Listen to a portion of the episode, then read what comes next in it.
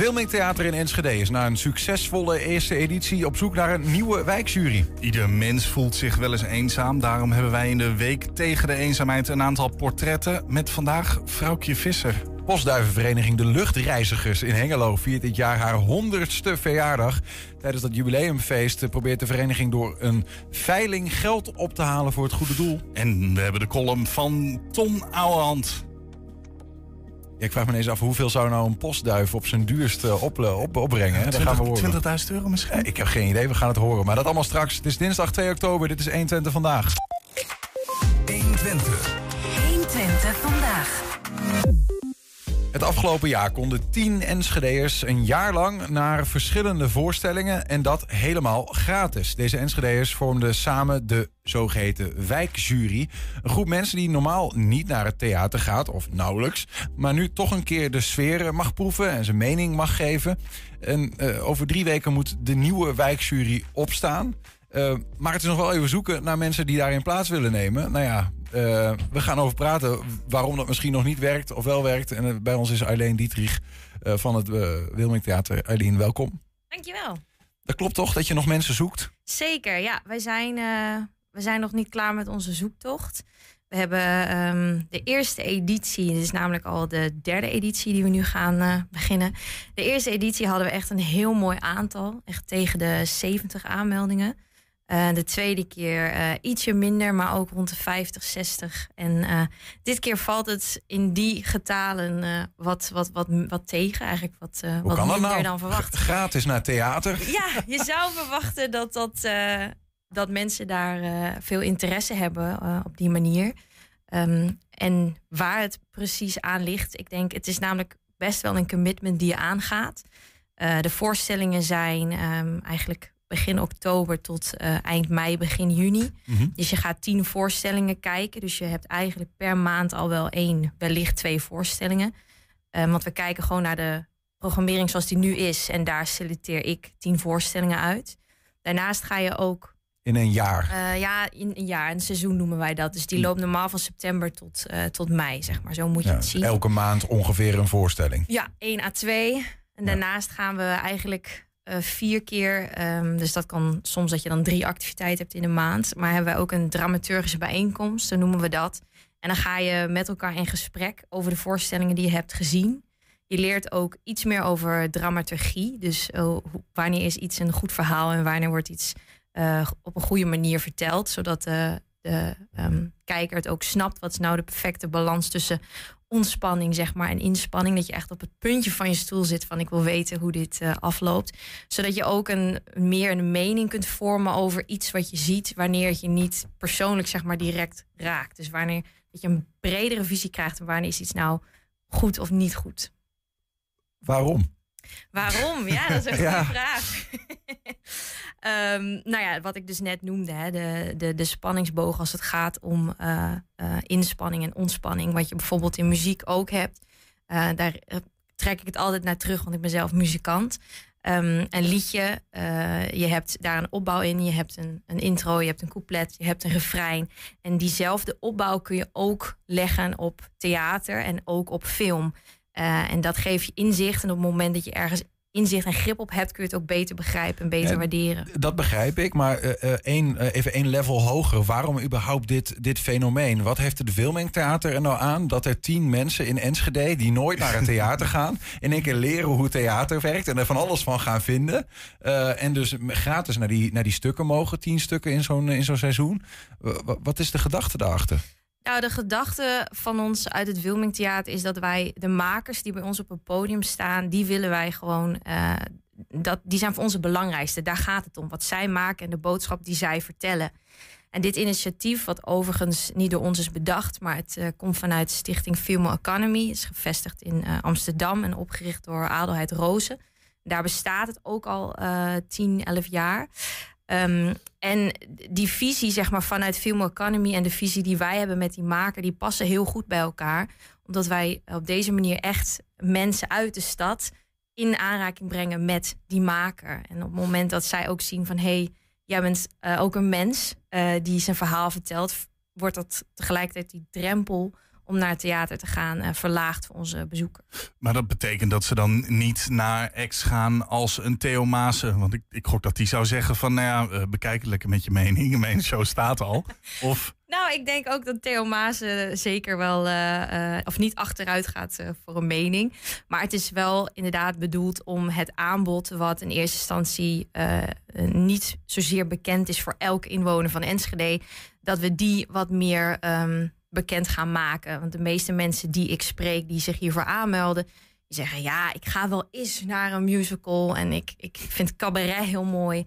Eh, en dan gaan we proberen we door, door, dit, eh, dit project dat meer te verbreden. Dus we gaan, eh, het blijft allemaal wel theater in oorsprong, zeg maar.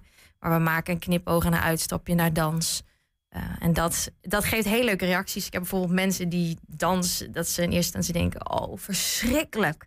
En dan eh, klaar zijn met dit project en denken: nou, dat vond ik. Ik had nooit gedacht dat ik eh, zo liefhebber zou worden van dans. Ja.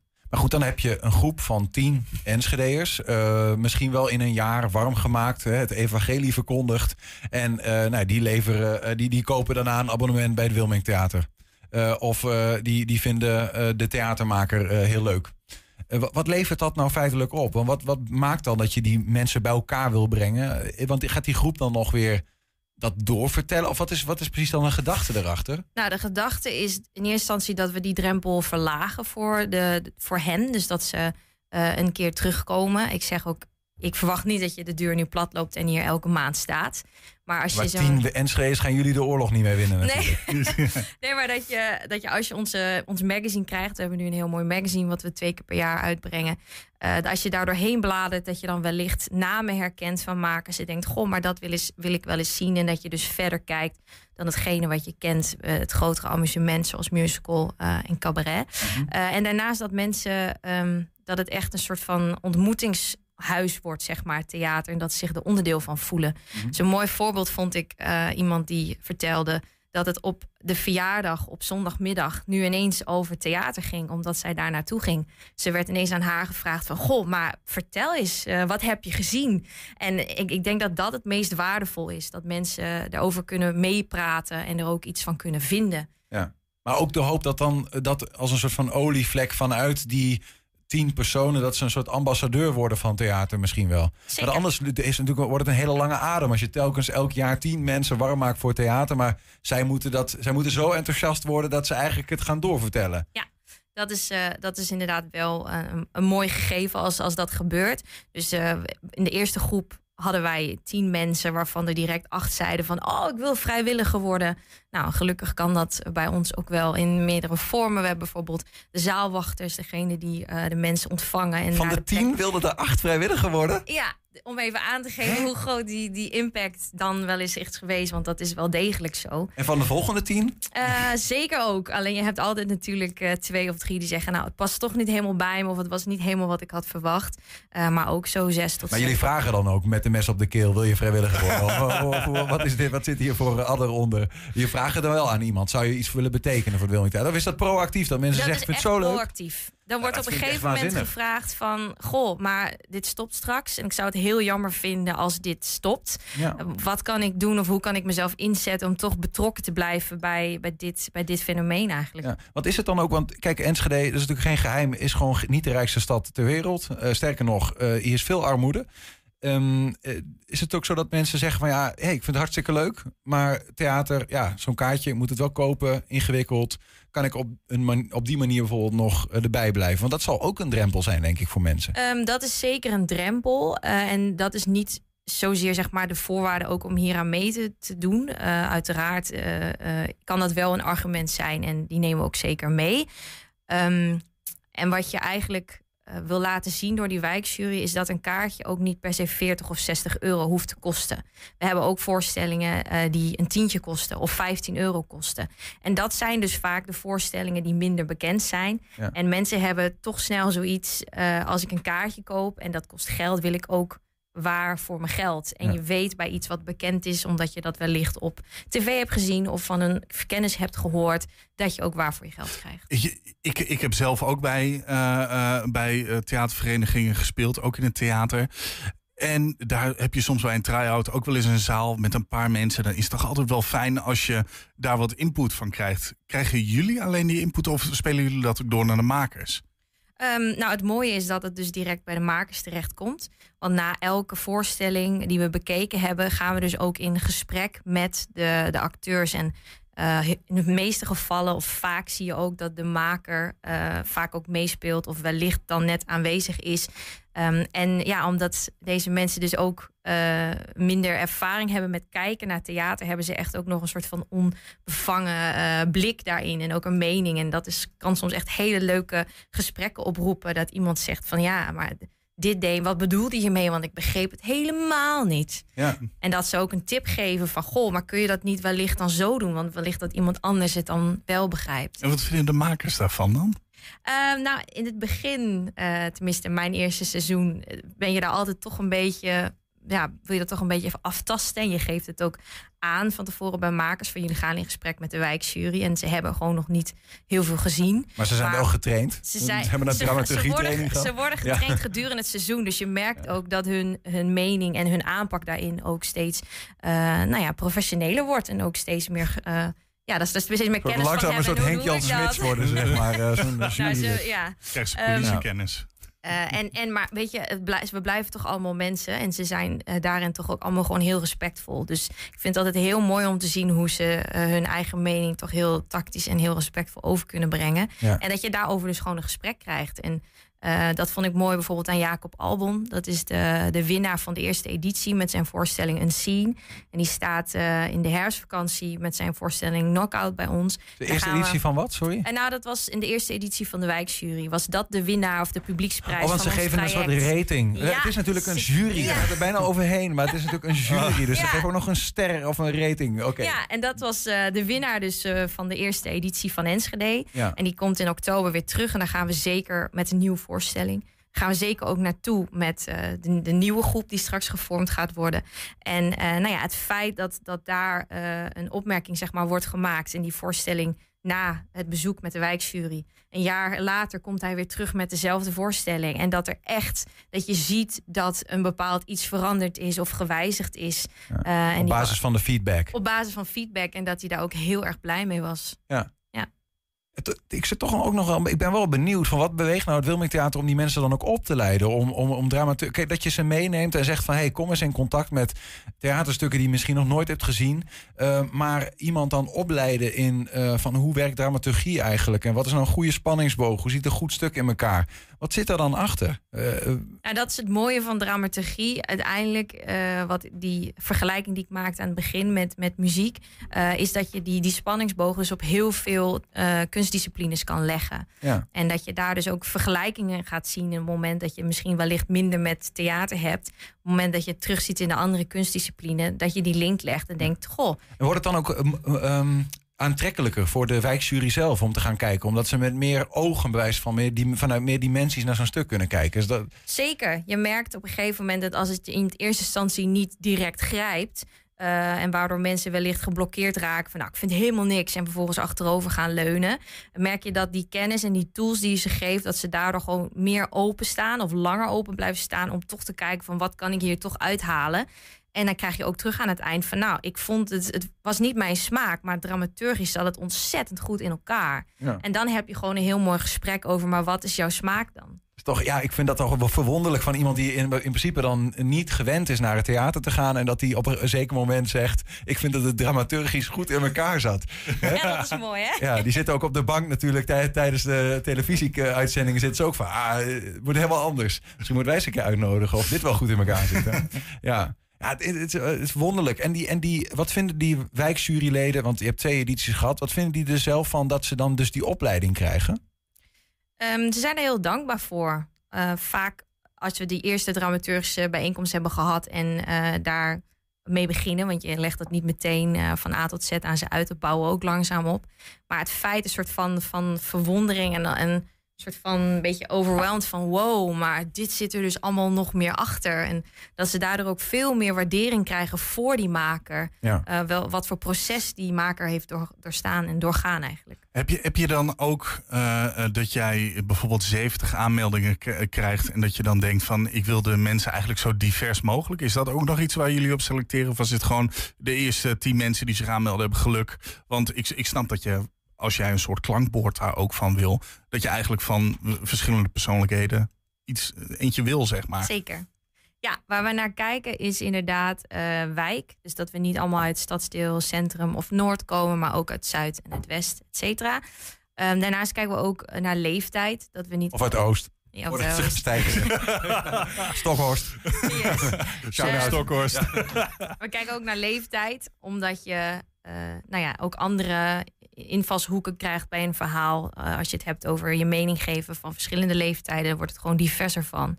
Uh, dus dat zijn eigenlijk de belangrijkste uh, criteria. En daarnaast is echt wel heel belangrijk dat je gewoon nog eigenlijk nog niet bekend bent met theater. Of wel is wellicht op school of in je jeugd een keer een voorstelling hebt gezien. Maar, zo, maar zoals Niels, die heeft dan vrij recentelijk één voorstelling gezien. Hij zou bijvoorbeeld nog wel mogen. Zeker. Als je mensen die zeggen, nou, ik ga wel eens, ik, ik heb wel eens in het verleden een keer een musical gezien, of ik ben een keer naar een cabaretvoorstelling geweest, dan, uh, dan kunnen we daar zeker naar kijken. De, en daarmee gaat het ook om de diversiteit. Als ik tien mensen neerzet van een bepaalde leeftijd, die allemaal al wel eens een paar voorstellingen hebben gezien, dan klopt het geheel ook niet meer. Dus die maak, maak je een mooie mix van met mensen die inderdaad echt nog niks hebben gezien. Hoe kunnen mensen jullie uh, bereiken? Hoe gaat dat? Uh, je kunt mailen naar uh, wijkjury.wilmingtheater.nl. En daar kun je, als je uh, een mailtje stuurt, gewoon met, met je naam, je leeftijd en even kort een motivatie van vijf zinnen waarom jij nou een geschikte jurylid bent voor deze wijkjury. Dan nemen we dus contact op. Tien voorstellingen ga je zien in één theaterseizoen. Je hebt nog zo'n drie keer per maand. Uh, ja, twee en in het, in het grootste geval een keer drie, maar dat is niet elke maand. Maar, en wat, wat, wat, als je, wat, als, wat als je drie niet kan, zeg maar? Als je drie voorstellingen niet kan, is dat ook een probleem? Of? Nee, dat is zeker geen, geen probleem. Het mooiste is natuurlijk omdat wij, uh, het, net wat ik zei, het is best een commitment. We verwachten natuurlijk dat je er zoveel mogelijk bent. Uh, en ja, daarin zijn we ook allemaal mensen. Als je zegt, nou, ik ben dan op vakantie. Uh, dan kun je dat aangeven en dan is dat geen probleem. En ja. ik zeg ook altijd, ziek is ziek. Maar het is natuurlijk mooi om er zoveel mogelijk te zijn. En, en, om die zin even af te maken, krijg je nog drie keer per, twee à drie keer per maand krijg je nog een soort les in dramaturgie en word je. Nou, dat is totaal met de voorstelling, hè? Totaal met de voorstelling, zei je twee à drie keer per maand ben je, ben je daar nou ja, gewoon mee bezig. Ben je bij ons? Ja. Um, uh, oh ja, ik dacht, er zit nog één vraag die, die prikkelt me. En dat is gewoon, ik weet niet of dat bekend is, maar welke voorstellingen gaan ze dan zien komend seizoen? Of is dat niet bekend? Daar ben ik nog mee bezig. Maar zoals ik al zei, uh, Knockout uh, straks van Jacob Alban is bijvoorbeeld een voorstelling die je in het aanbod kan uh, verwachten. Ja, nou ja. En hebben we meer informatie ergens te zien? Wilmingtheater.nl, zoiets? Als je inderdaad op het Wilming Theater de website kijkt en je zoekt op wijkjury, dan vind je een hele mooie landingspagina met info en ook allemaal verhalen van vorige deelnemers. Eileen, Dietrich, dankjewel. dankjewel. En ik hoop dat je een mooi weer diverse jury te pakken krijgt dit jaar. Ik ook. Dankjewel. Zometeen Postduifvereniging De Luchtreizigers in Hengelo viert dit jaar haar 100ste verjaardag. Tijdens dit jubileumfeest probeert de vereniging door een veiling geld op te halen voor het goede doel. 120. 120 vandaag. Ja, ieder mens voelt zich wel eens eenzaam. Het is een gevoel wat blijft knagen en kan met de tijd erger worden. Afgelopen donderdag startte de week tegen de eenzaamheid om het onderwerp weer op de agenda te krijgen. Vrouwtje Visser uit Enschede vertelt over haar ervaringen met eenzaamheid. Vrouwtje Visser, ben 45 jaar, ben geboren en getogen hier in Enschede. Ik ben heel extreem moe. Uh, ik probeer vroeg uit bed te gaan, maar ik lig net zo snel weer in bed. Omdat je, je wil alleen maar slapen. En daarin verlies je jezelf dan op dat moment. Dus dit zijn eigenlijk voor mij de slechtere dagen. En toch zit ik hier tegenover jou te praten over eenzaamheid. Je hebt goede dagen en je hebt slechte dagen. En in de slechtste dagen is de eenzaamheid het sterkst. Uh, in de betere dagen, de, de, de goedere dagen, is dat is dat meer vervaagd. Het is niet weg, maar het is vervaagd. Bij mij uh, komt de eenzaamheid uh, weg uit pesterijen op de middelbare school en op de basisschool. En het feit dat ik op zeer jonge leeftijd al seksueel ben misbruikt. Dat vormt je. En ik sloeg van me af. Ik lachte erom. En ik probeerde het te negeren. Maar het kroop naar binnen. En het bleef steeds dieper naar binnen kruipen. Um, daarom heb ik ook eigenlijk zoiets van... ja, eenzaamheid, leuk, heel veel mensen om je heen... maar dat is niet per se eenzaamheid uh, van geen mensen om je heen. Want ik was voor mijn gevoel gelukkiger zonder mensen om me heen... dan met mensen om mij heen. Ik zocht veiligheid in het alleen zijn. In 2016 ben ik er psychisch doorheen geknald. Uh, heb ik geprobeerd een einde aan mijn leven te maken. Dat is gelukkig niet gelukt. Uh, in een flits kwam mijn dochter voorbij. En uh, ja, dat heeft mij gered. Als jij uit het leven stapt, dan heb je inderdaad niks meer. En dit zijn voor mij reminders van waar ik heb gestaan. Hoe, hoe dicht ik bij de dood heb gestaan. En um, hoe dicht ik heb gestaan om niet mijn dochter te kunnen zien opgroeien. Om mijn dochter 13 jaar te zien worden. Uh, dat, uh, ja, dat, zover heb ik erin gestaan, ja. Het raakt je? Ja, ja dat Wat, raakt me heel erg. Wat raakt je het meest? Dat uh, ik bijna mijn dochter, toen zes, in de steek zou hebben gelaten als het, als het me wel gelukt was geweest. Dat zij nu op moest groeien zonder haar moeder.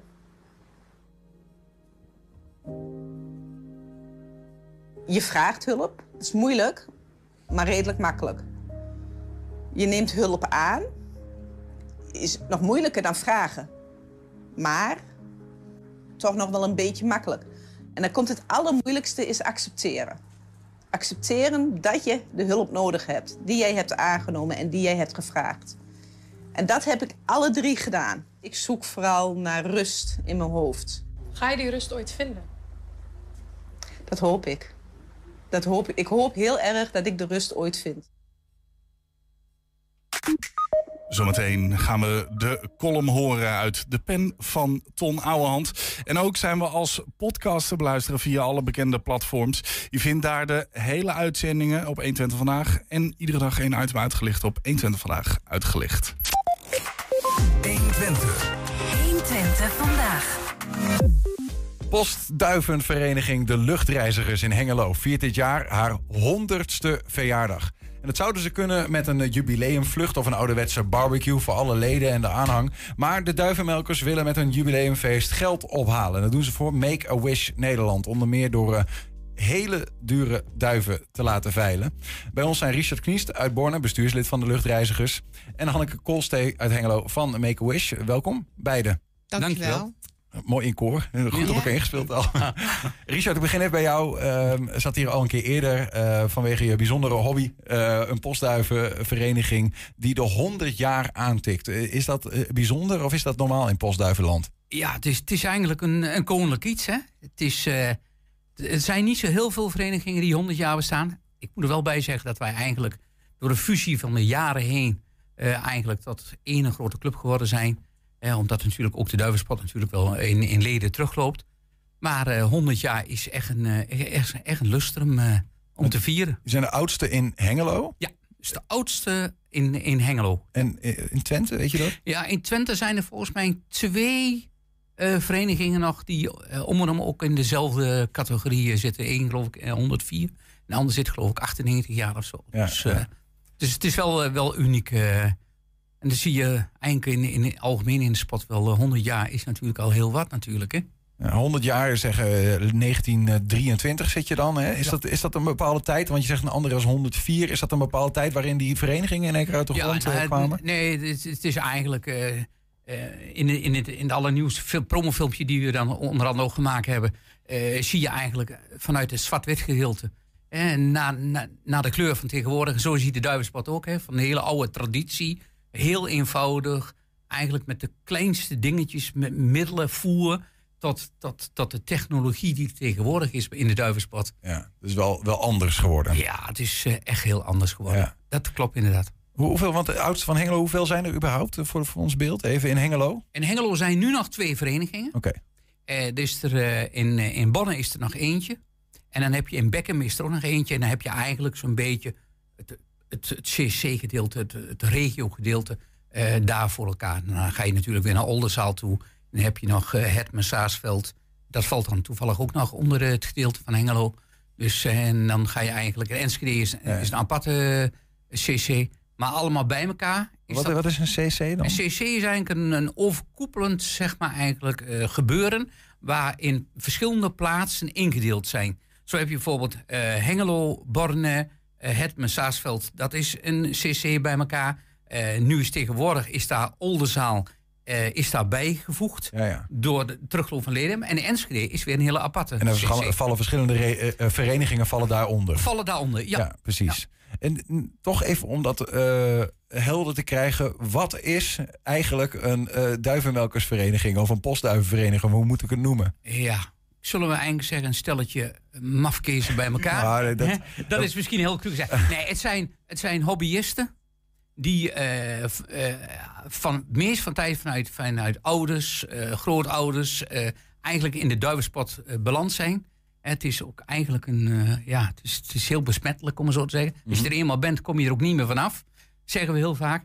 En dan zie je eigenlijk wel in generaties dat het eigenlijk doorgaat. Je ziet wel dat de jeugd steeds minder wordt.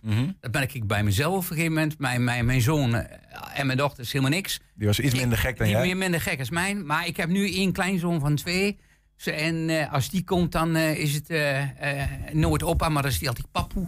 En dan is het papoe, komt duiven, duiven. En die gaat ook mee. Oké, dus het heeft een generatie overgeslagen. Die heeft een generatie overgeslagen. maar die is wel helemaal, onze Jack is helemaal Ja. gek van postduiven. Dus dat vind ik niet geweldig. Maar je laat die postduiven zo ver als het kan vliegen... eh, in de hoop dat ze weer terugkomen. Dat is ongeveer de gedachte. Nou, wij, wij gaan dus, eh, of op, eh, afhankelijk van de afstand, gaan we op donderdag of op vrijdagavond gaan we korven. Eigenlijk van 100, 300 kilometer is op de vrijdagavond. Van 300 tot en met bijna 500 is op de donderdag. En dan hebben we nog van 500 tot 700. Dat is ook op de donderdag. En dan hebben we de lange afstandsvluchten. Dat zijn van 700 tot en met 1200 kilometer. Ja. Dat is meestal tijd maandag, dinsdag aan de korven. Omdat die wat langere tijd nodig hebben. Ja. Om het vervoer met de vrachtwagen over de weg.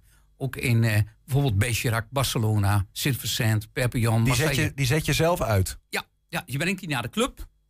En daar worden ze ingekorfd. Eh, tegenwoordig gaat het eigenlijk allemaal elektronisch. Met Ingekorfd betekent in een korfje in een ja, vrachtwagen. je gaat met een korfje daar naartoe. Die duiven hebben een speciaal chipringetje om tegenwoordig. En eh, daar zit alle elektronica in. Dat gaat over een atoomklok.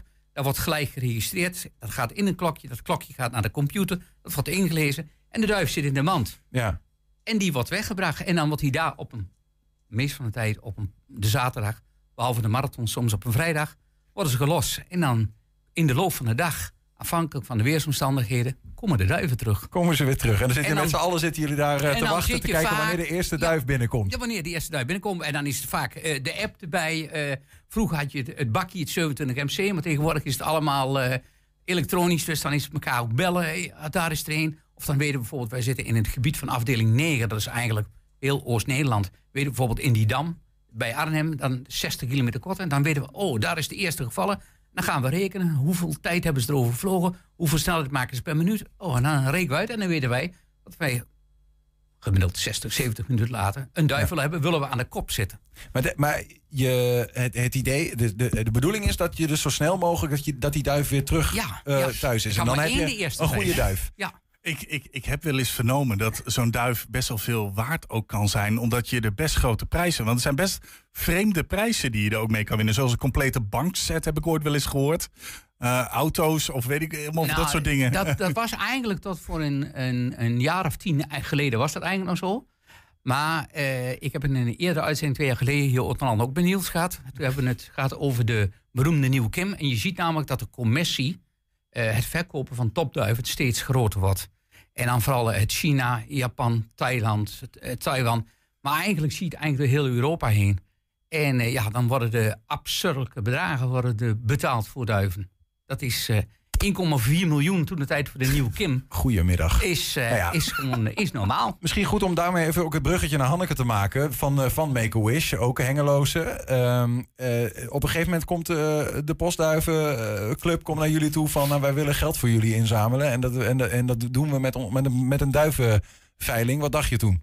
Helemaal geweldig. Echt helemaal geweldig. Want het, gaat, het kan blijkbaar, nou ja, het kan behoorlijk in de papieren lopen, die, die Ja, duiven. dat, dat hoor ik nu. Maar ik wist het eigenlijk ook al wel een beetje hoor. Maar dat het zo in de papieren loopt, dat had ik niet verwacht. Ja. En Richard is enorm enthousiast. Ook, ook, want Richard, even eh, met Make-A-Wish, eh, een vereniging die probeert om de, nou ja, de wensen van kinderen die ziek zijn eh, in vervulling te Ja. laten gaan, toch? Wij, eh, wij zijn een vereniging die nu meer dan 30 jaar bestaat. En eh, wij willen eh, de allerliefste wensen van kinderen tussen de 3 en de 18 jaar die levensbedreigend ziek zijn, vervullen. Dus de allerliefste wens. En dan praat je van misschien een olifant een appel geven. Tot met dolfijnen zwemmen. Maar dit is soms de wens van een kind. Ja. Een olifant Ja, een appel geven. geven. Hoe simpel kan het Ja. zijn? Ja. Ach, het is toch prachtig dat je dat, eh, dat, je dat, dat dat kan gebeuren. Dat dat je allerliefste wens is. Richard, eh, jij hebt zelf ook persoonlijke betrokkenheid bij dat doel. Eh, ja, aan de ene kant wel. eh, en aan de andere kant ook weer niet. Hè. Eh, dat is alweer heel ver eh, in mijn verleden tijd. Maar wat we wel hebben is namelijk eh, een meisje, 11 jaar. eh Floor Beurzen uit Almelo. Eh, haar vader is postduivenliefhebber. Speelt in Almelo in de CC. Maar komt eh, met regelmaat natuurlijk eh, zijn eh, vele vrienden.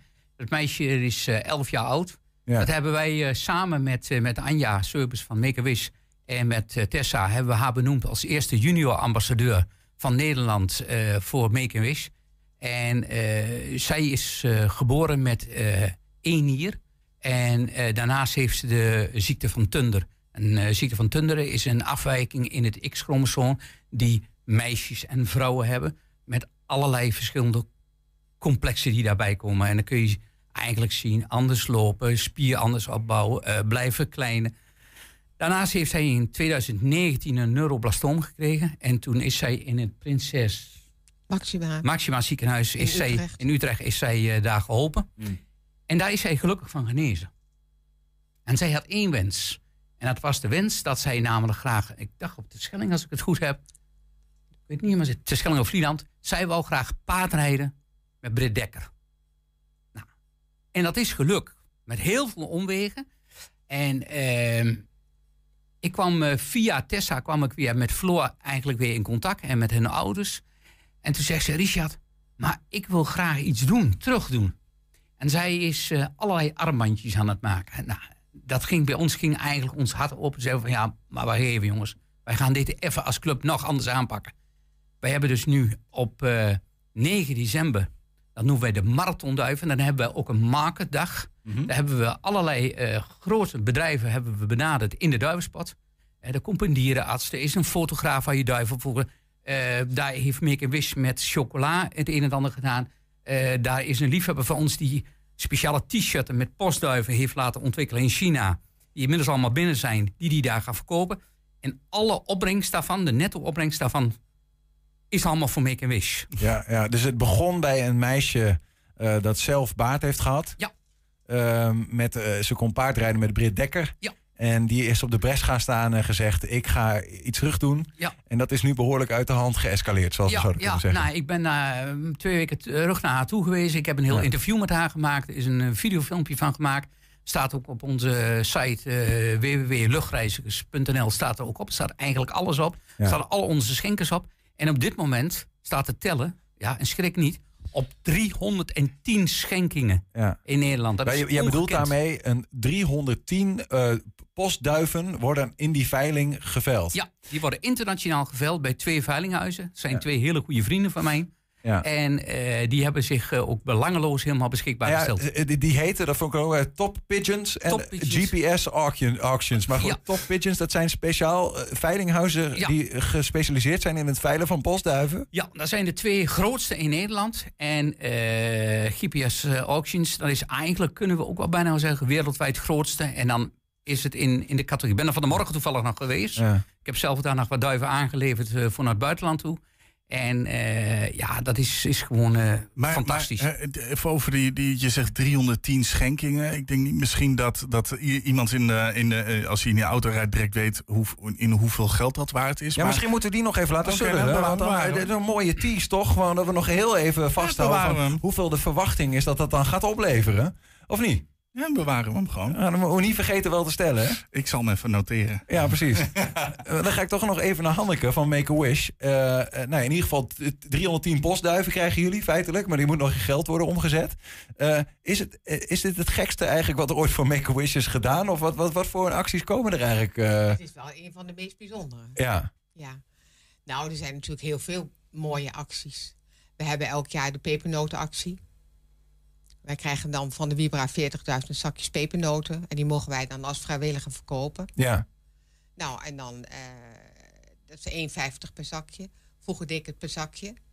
Toen per doos. En nu doe ik het al per pallet. Ja, ja. Dus hoe gaaf is dat? En eh, ja, tot eh, acties op school. Nou, zelf, zelf loop ik dan met een van mijn kleinkinderen Nijmeegse Vierdaagse als wendwandelaar. En laten we ons sponsoren. Maar wa- wa- wat, eh, wat, wat is jullie, zeg maar, hoeveel heb je nodig eh, door de bank genomen om een wens in vervulling te laten gaan eigenlijk van zo'n kind? Nou, dat, dat kan wisselen van 100 euro tot een maximaal bedrag van 200, 2000 euro. Ja, ja dat, daar zitten jullie een maximum Daar, op. ja, daar zitten we dan ongeveer tussen. Ja, ja. Ja. Ja, goed, 2000 euro. Eh, We gaan straks horen van hoeveel je dan ongeveer een, een, schatting hebt, Richard. Maar daar zijn dus door het hele land en in België, begreep ik? Nou, eh, het is, eh, en dat is eh, wonderbaarlijk om te zeggen. Het is op dit moment schenkingen uit Roemenië, Engeland, Duitsland, België, Kroatië, Nederland. Ja.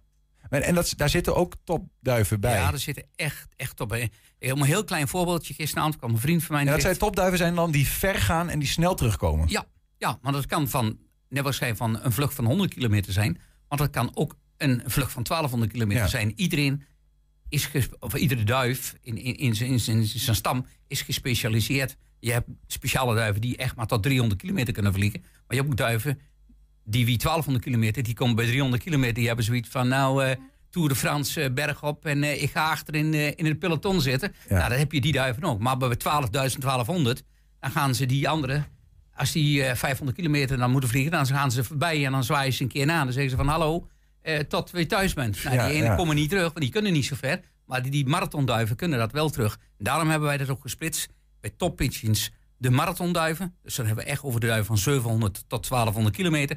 En bij GPS hebben we namelijk de allround duiven, dan is het van 100 tot 700 Ja, kilometer. ja. En iedere dag komen er nog schenkingen, eh, komen er nog binnen nog. Maar waarom, wa- waarom doen eh, duivenmelkers, zeg ik dat goed? En, of Ja, postduivenhouders, hoe is het? al zeggen? Duivenmelk is Ja, anders, zeg. eh, waarom- Duivenliefhebber.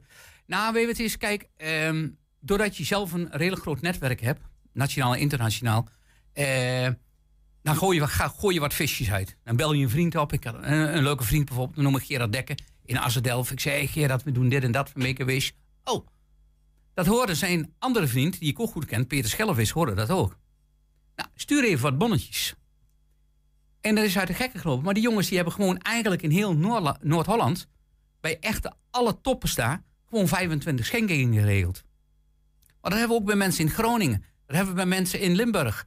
Dat hebben we bij mensen in Zeeland. Dat hebben we hier in de, in de provincie. Dus iedereen heeft wel een bepaald iets. En ja, ik heb van de morgen net gezegd... moest ik naar Waalwijk toe. Ja. En dan moest ik op terugweg moest ik een duifje ophalen.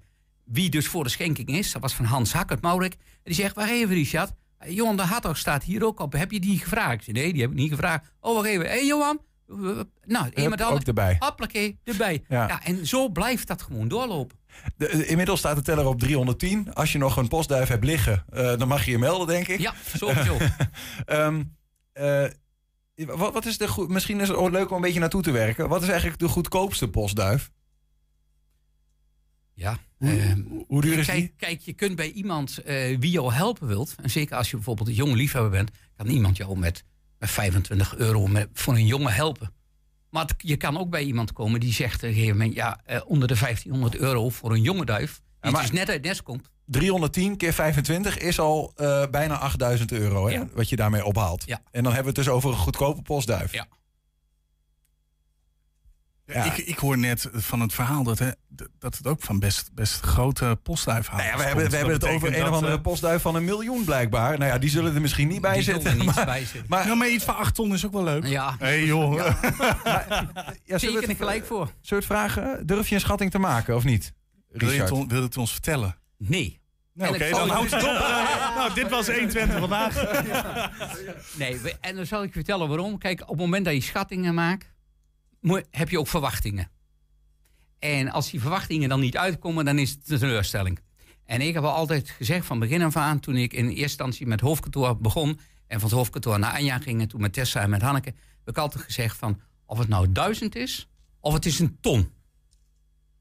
Ik word er niet warm en ik word er niet koud van. Ja. Het enige waar het om gaat is om de kinderen. En daar gaat het om. En ik hoop natuurlijk zo'n groot mogelijk bedrag. En ik heb natuurlijk zelf wel wat in het hoofd. Maar ik zou gek zijn om het te gaan zeggen. Weet jij het, Hanneke, wat hij Nee. denkt of niet? Nee, ik probeer wel iedere keer te vissen, maar, het is niet, maar ik, ik, word wel, ik word hier wel heel erg blij van. Ja, ook al, ook al wa- wa- wat het dan ook wordt. Gewoon het enthousiasme en, het, en de giften maar van alle zeggen, kanten. Mede door, door het enthousiasme wat hij heeft en hoeveel lijntjes van verbinding hij uitzet. En hoeveel mooie positieve reclame hij maakt voor de Make-A-Wish. Nou, dat is van onschatbare waarde. Ja. Want eigenlijk ben jij de Make-A-Wish ambassadeur. wat dat Nu- betreft nu er is ook- hij het. Ja, ja, ja, ja precies. Maar hij vervult die taak hartstikke goed, beter dan ik het kan. Ja. Nu, even. De- Overigens, de- ik, ik hoorde je net zeggen over dat meisje is zelf ook Make-A-Wish ambassadeur eh, eh, geworden. Junior. Ja, junior, junior Oh, ambassadeur dus geworden. die- nou ja, Ja. dat is wat dat betreft gaat dat al heel goed, die taak. eh Ja. Dat zien we maar weer. Ehm, ja, die, die, die 9 en 10 december, even uit mijn hoofd. Ja, we hebben, de eerste is eh 9 december, is bij uh, Twentse Ros in, in Hengelo, Mhm. partycentrum. Daar, we houden niet in de club, maar daar, om zoveel mogelijk mensen daar te krijgen. Eh, allerlei eh, activiteiten. We hebben een forum erbij. Daar komen de vier absolute topmarathon mensen van Nederland. De echte allerbeste liefhebbers.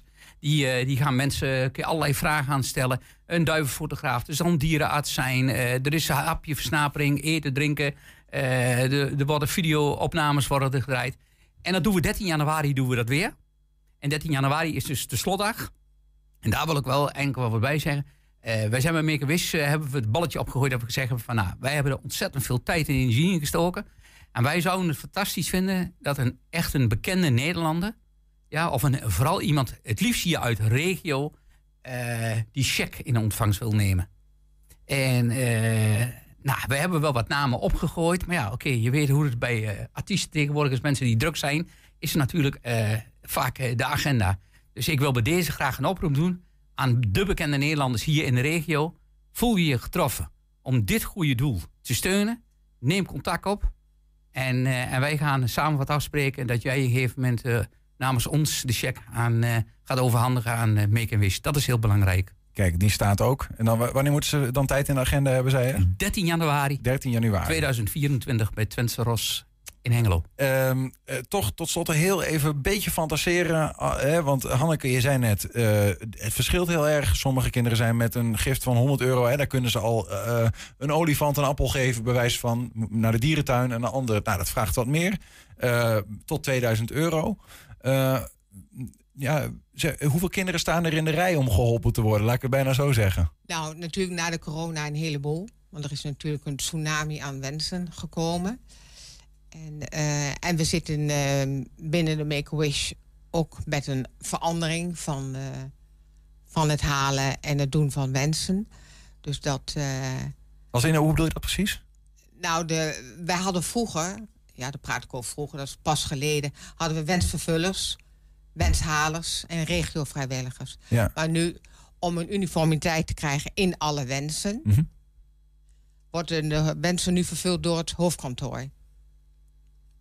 En dan krijgen wij het script van die dag toegestuurd. Ja, precies. Het is wat anders georganiseerd. Ja, het is Ja. anders georganiseerd. Ja. Dat je dus alle kinderen ongeveer dezelfde hoeveelheid aan ding krijgen. Ja, ja. Dus, eh, Ja, maar en, eh, dat, dat zijn er dus behoorlijk wat. Dus er Ja. is, eh, er is eh, geld nodig om al die mooie wensen in vervulling te laten ja, gaan. Wij doen ongeveer 500 wensen en we streven naar meer per jaar. Dus dat is ongeveer anderhalve wens per dag. Eh, Over heel Nederland. Over heel Nederland. En dat is eh, mega veel werk om een wensdag in elkaar te zetten. Want het gaat echt een script van minuut tot minuut. En eh, ja, dat is Ja. Want een tijdje geleden hadden wij een wens. En het was de ambulance of de, ehm, de limo kapot. Nou, dan moet je het hele script omdraaien. En dat is heel goed gegaan, want het gezin heeft er niks van gemerkt. Nee, nee, nee. Maar je moet dan wel Flexibel zijn. Ja, je moet heel veel dingen dan wel weer regelen. Ik wens jullie dat er eh, van die 310 dat het er nog veel meer worden. Eh, tot wanneer kunnen mensen de duiven aanleveren, om het zo maar te zeggen? Eh, in principe eh, kunnen we Tot tot, eh, tot eind oktober kunnen, voor de marathon. En eh, tot en met eh, eind november voor de allround. Dus dan hebben we. En het enige tipje wat ik misschien aan op wil lichten. De gedachte is om niet in geld te zeggen. Maar wij willen gaan voor minimaal 50 wens. 50 kinderen wil je de wens van laten uitkomen. Ja, voor 2024. Kijk, En dat zijn de kleine en de grote door elkaar. En eh, dat is een wens. En worden het er 100, zijn we alleen maar gelukkig. Maar 50 is dit iets nieuws voor jou, Hanneke? is graag. Dit weet Hanneke niet. Nou, mooi. Nee, nee, dit, dit is gewoon hartstikke goed nieuws. Ja, nou, dit is helemaal geweldig. Ja, Ja, daar word ik gewoon heel blij van. Dat is de klapper van de afsluiting van 2023. mooi. Ja, toch? Ja, nou ja, fantastisch. Ehm, eh, 9 en, en eh, 10 december, dan is in ieder geval eh, nou, dan is het jubileumfeest. Ehm, er is ook een duivenmarkt, een duivenforum, een duivenfotograaf. Eh, als je niet van duiven houdt, moet je er dan zijn? Of, eh? Nou ja, eh, ik bedoel, Ik kan zo eh, vele, vele gezinnen komen er. Hè? En er zijn hele leuke dingen. Eh, bijvoorbeeld Make a Wish heeft eh, toevallig geregeld eh, dat er hele mooie lijstjes van chocola eh, gemaakt worden. Eh, die worden daar verkocht, waar ook de opbrengst weer voor a Wish is. Dus eh, mama's en papa's, kindjes, kom lekker mee. En wat, wat We er hebben van alles. staat er ook wat op het menu? Eigenlijk, Doe dat nou eigenlijk niet. van alles. Sorry. Alles. Van alles, jongen. Ja, ja, ja. Van een lekkere bal Chocolade. tot de ettersoep, jongen. Tot de gluwijn toe. We hebben het echt, echt de hele zaalaccommodatie, echt alles is aangekleed. En zeker de eerste keer, want dat, we het geluk hebben dat net daarvoor de carnaval is geweest. Dus alles blijft staan. Ja. Dus het is voor ons wel die nacht wel even doorhalen om alles op te ruimen. Maar dat hebben we er heel graag voor over. We zijn ontzettend benieuwd wat het gaat, eh, uiteindelijk gaat doen. Hals op de hoogte. Richard Kniest Wat doen we zo? van eh, eh, de Luchtreizigers, Duivenmelkersvereniging... en ook Hanneke Koolstee van Make-A-Wish. Dankjewel voor jullie komst. Veel plezier de komende tijd met naartoe leven. We gaan het meemaken en we gaan het volgen. Eh, wil je meer informatie? Luchtreizigers.nl staat nog wat op te lezen. En heel fijn dat ik hier mocht zijn. Heel, Dankjewel. heel dankjewel dat Dank voor jullie de aandacht hadden willen schenken. Heb je een tip voor de redactie? Mail dat dan eventjes naar redactie.120.nl Of wil je direct in contact staan met ons? Dat kan ook. Je kan ons gewoon bellen. Dat kan via 053 432 7527. En dan zal ik het nog één keer herhalen voor de mensen die pen en papier niet bij hun hebben. Dat is 053 432 7527. 120 vandaag. Ja, terwijl wij de mensen nog even uitzwaaien, is het eh, inmiddels tijd eh, 2 oktober. Ja, dan is de aftrap. Niels. Van de maand van de jazz. Nee, ja, het is de maand, van de, de- het is de maand tegen de jazzhaat. Eh, dus, dus oftewel jazzmaand. Oké, nou ja, dat is toevalligerwijs eh, is er Ja. Ton Ouwehand ook bij ons. Dus dat komt goed Nou ja, uit. dat komt, Hey? Ja. Nou, eh, heel goed. Ik wou het eens hebben over de jazz in het gehalte in het Bijbels Museum. Nou, eh, de- ja, daar gaan wij naar luisteren. we, we staan, we staan open voor alles, dus ook voor dit onderwerp. Ja. Eh, Ton Ouwehand met eh, zijn column van de dag. Toen ik in 1969 vanuit Amsterdam in de derde klas van de HBS van het Ichthus College in Enschede terechtkwam, kon ik niet weten dat de juffrouw die ons Nederlands gaf 54 jaar later in Maar, het in Maarsen neergestreken Bijbels Museum een kunstwerk zou vernielen. Ze vertrapte honderden poppetjes waarvan de kunstenaar vond dat het de discussie op gang moest brengen van hoe God er eigenlijk uitziet en of God een vrouw kon zijn. Onze diepgelovige juffrouw Tom heeft op haar 81ste God verdedigd door een kunstwerk van 2000 poppetjes te vertrappen. In die beeldenstorm heeft ze de Bijbel aan haar zijde. Lijkt haar. Want daarin staat: Gij zult geen godenbeelden maken, geen afbeelding van enig wezen, boven in de hemel, beneden op de aarde of in de wateren onder de aarde. Dit staat in Exodus 20, gedeelte 4. En dat is opgetekend nadat Mozes op een berg de tien geboden zat te noteren. Beneden aan de voet van die berg vond het Joodse volk dat het allemaal veel te lang duurde. Er werd ondertussen van omgesmolten sieraden een gouden kalf vervaardigd en dat gingen ze aanbidden. Terugkijkend kun je zeggen, als je moet wachten is dat helemaal niet erg. En twee, gouden kalveren ga je niet aanbidden. En dan maar volhouden dat toeval niet bestaat. Precies een week na de actie van mijn voormalige juf Nederlands werden in Utrecht op een steenworp afstand van Maarsen de Gouden Kalveren uitgereikt. Er werden 23 van die lelijke zware beeldjes gegeven aan mensen die onderscheiden moesten worden vanwege iets met film. Ze hadden de mooiste hoofdrol gespeeld, de beste bijrol vertolkt, de toepasselijkste muziek bedacht, het handigst geld binnengehengeld, het meest adequaat het licht aan en uitgeschakeld, dan wel de smakelijkste catering verzorgd. Er zijn tal van deelgebieden waarvoor gouden kalveren worden toegekend.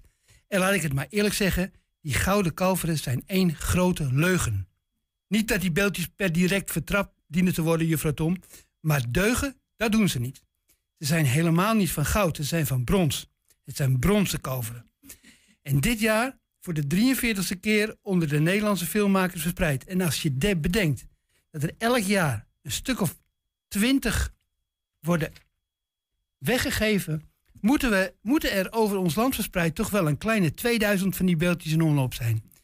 En met gouden kalveren is het net als met Edison's en Cremies. Zijn prachtig als je er eentje krijgt. Je voelt je vereerd, je trekt je goede kleren aan om ze in ontvangst te nemen. Je schrijft een toespraakje waarin je duidelijk maakt dat, het echt niet alleen, dat jij het echt niet alleen bent die het verdiend heeft. Maar als je eenmaal eentje zo'n ding een tijdje in huis hebt, constateer je toch dat die beeldjes lelijk zijn en dat ze best veel plek innemen. Dus op een gegeven moment worden die bronzen kalveren nog wel eens weggedaan. Veel daarvan komen terecht in de kunsthandel. Het is tenslotte uiteindelijk een onderwerp van kunstenaar Theo Mackay. En nu kun je ze gewoon kopen. Je hoeft helemaal geen film te maken om een gouden, aan een gouden kolf te komen. Kunsthuis van het Oosten in Hengelo heeft ze wel. Maar waarom zou je ze een kopen? Als je weet dat die van Paul Verhoeven is geweest misschien. Of dat dit het beeldje is dat Rijk de Gooier ooit uit een rijdende taxi gooide. Of die van acteur Nasreddin Jar, die zo hartverscheurend emotioneel voor de camera's liep. Ik heb een fucking gouden kalf. Kijk, dan heb je een gouden kalf met een verhaal. Maar lang niet zo'n mooi verhaal als ik vorige week hoorde. Nota binnen van een fucking kalverenfokker. Die ik voor het blad Silver interviewde. Hij fokt echt kalfjes. Niet van goud of brons, maar van vlees, bloed, botten en organen. Deze boer vertelde me een prachtig verhaal. Hij was in een vorig leven cameraman. Hij moest ook de camera bedienen bij een interview met de Rolling Stones. Het ging om interviews rond een optreden. Dat kwam voor neer vooral op wachten, vertelde hij. Tijdens zo'n wachtperiode liep onze cameraman een trap af en hij ontdekte een flinke ruimte onder het podium waar een behoorlijke bedrijvigheid gaande was. Toen hij vroeg wat zich er allemaal afspeelde, werd hij welwillend te woord staan. Een grote computer zorgde ervoor dat wat drummer Charlie Watts boven op het podium ook speelde. Het kwam in de maat uit de geluidsinstallatie. Er stond ook een jonge gitarist. Wat deed hij? Hij speelde de gitaarpartijen van Keith Richards. Richards was een onbetrouwbare muzikant, vertelde de man. Hij vergat de helft. En als je voor 80.000 mensen speelt, kun je als Rolling Stones zijn geen misses permitteren. Richards zelf wist zelf niks van, maar deze jonge gitarist stond hem avond aan avond te redden. De verteller, die duidelijk blij was dat hij eindelijk zijn verhaal eens kwijt kon, kreeg op een gegeven moment door dat hij staatsgeheimen stond te onthullen. En toen joeg hij onze cameraman acute ruimte uit. Goede verhalen moet je nooit kapot checken. Maar als je op YouTube de woorden Keith Richards Falls intypt, dan zie je een filmpje waarin Keith Richards als spelend vlotjes over het podium loopt. Hij struikelt en valt boven op zijn gitaar, maar daar hoor je verder niks van. Die gitaar klinkt gewoon door. Dat voorval speelt zich uitgerekend af in het liedje Sympathy for the Devil. En dan weet ik wel wie die arme gitarist heeft laten struikelen. Dat was Juffrouw Tom. Of om David Bowie uit zijn hit Space Oddity te parafraseren, Ground Control to Juffrouw Tom. Mooi, de column van Ton Ouwehand. Hoe de mannen toch allemaal samenbreidt, hè? Dat is Uiteindelijk komt alles weer terug. Geweldig. En het blijkt dan ook dat uh, onze vriend Mick Jagger gewoon een hologram is. De hele, Ja, hele. Rolling Stones is gewoon één grote... Maar ja, goed, dat heeft hij ook erkend als zijn broer tegen ons. Hij zegt, we zijn niet de beste muzikanten, maar we zijn wel goede entertainers. 8 en 10 op tv. Tot morgen. 1 Twente. Weet wat er speelt in Twente.